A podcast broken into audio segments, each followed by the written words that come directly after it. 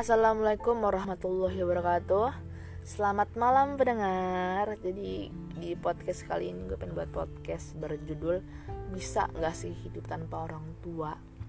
Mungkin di podcast ini gak lama karena emang gue ambil dari pengalaman gue pribadi Tanpa menyinggung seorang pun dalam hidup. Langsung aja ya. Jadi dimulai dari gue bayi Mbak gue balita Kondisi orang tua gue tuh bercerai. Sama gue di Palembang. Jadi bisa dibilang broken home tapi gue tuh nggak pernah menemukan kesedihan yang dibilang orang-orang kayak anak broken home depresi sedih hancur tulang. Itu gue ambil nggak kayak gitu. Masa-masa kecil gue tuh tetap lancar dan juga dari kecil gue udah diurus pembantu. Meskipun tanpa sosok ibu alhamdulillah gue bisa belajar mandiri kayak gimana caranya gosok nyuci ya kan disuruh bapak. Selama bapak masih ada selama itulah gue merasakan anak yang punya orang tua. Merasakan seorang anak yang mendapat kasih sayang dari seorang bapak. Tapi sebelum bapak meninggal uh, mama mulai kontak-kontakan lagi sama gue dengan berkabar lewat telepon. Dia ngasih ini itu segala macem sampai akhirnya bapak meninggal. Kehidupan gue jadi berubah. Gue kayak mengalami transisi kehidupan mesti hemat di kamar sepi bisa jalan-jalan ke supermarket. Intinya tuh uh, ngerasa kesepian gitu deh. Lalu ditambah lagi kondisi pekerjaan bapak gua yang diteruskan om gua udah monoton dan gak cocok lagi dijadikan ladang penghasilan buat pendidikan gua. Jadi keluarga besar gua memutuskan untuk dikontrakin dan rumah asli gua dikontrakin. Nah di situlah gue mulai merasakan tinggal sama saudara. Tinggal sama saudara buat menjadi manusia yang harus lebih prihatin dan mengerti dengan realitas yang ada. Semisalnya nih makan apa adanya. Ya meskipun gue nggak suka sahur ya kalau gue nggak makan ya ntar gue lapar gitu kan. Ya mau nggak mau sih gitu. Di lain sisi nggak ada sosok ibu dalam hidup itu.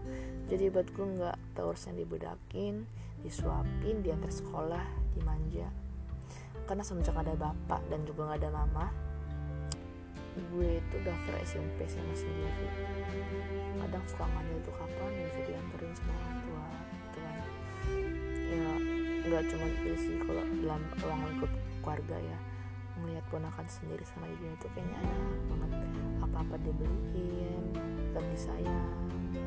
Itu kayak suatu tontonan yang aneh gue bisa lihat nyokap gue tuh masih ada. Nyokap gue masih ada sekarang lagi di Palembang yang tadi gue bilang. Dan gue nggak tahu kapan dia tinggal di sini. Intinya selama hidup 19 tahun yang gue rasain tanpa orang tua menurut gue ya secara psikis ya pasti gue down. Bayangin dari kecil gue gak ada sosok ibu di umur 7 tahun bapak meninggal. Cuma semua gue hadapin sendiri. Dari nggak berani ke sana ke sini ke mana-mana sendiri ngadepin orang dewasa sendirian seperti orang capit orang Quran itu yang ngeselin. Iya kadang orang-orang semena-mena sih sementang gue gak punya siapa-siapa gitu. Dalam ruang hati gue iya gue kesepian. Bukan karena gak ada pacar tapi nggak adanya sosok subjek atau objek orang tua. Kosongnya kasih sayang dari orang tua. Yang di mana seharusnya mereka jadi tempat kembali dan berkeluh kesah sedih ya itu hanya gue bisa pendam dan berdoa.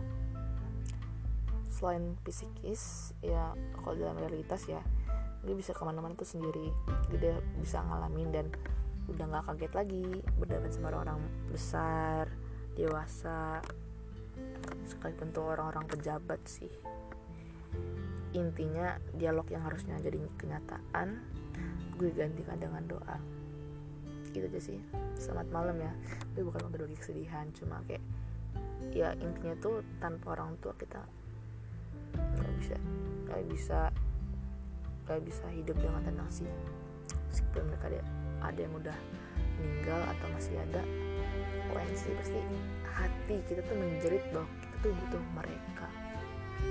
Itu aja sih kalau menurut gue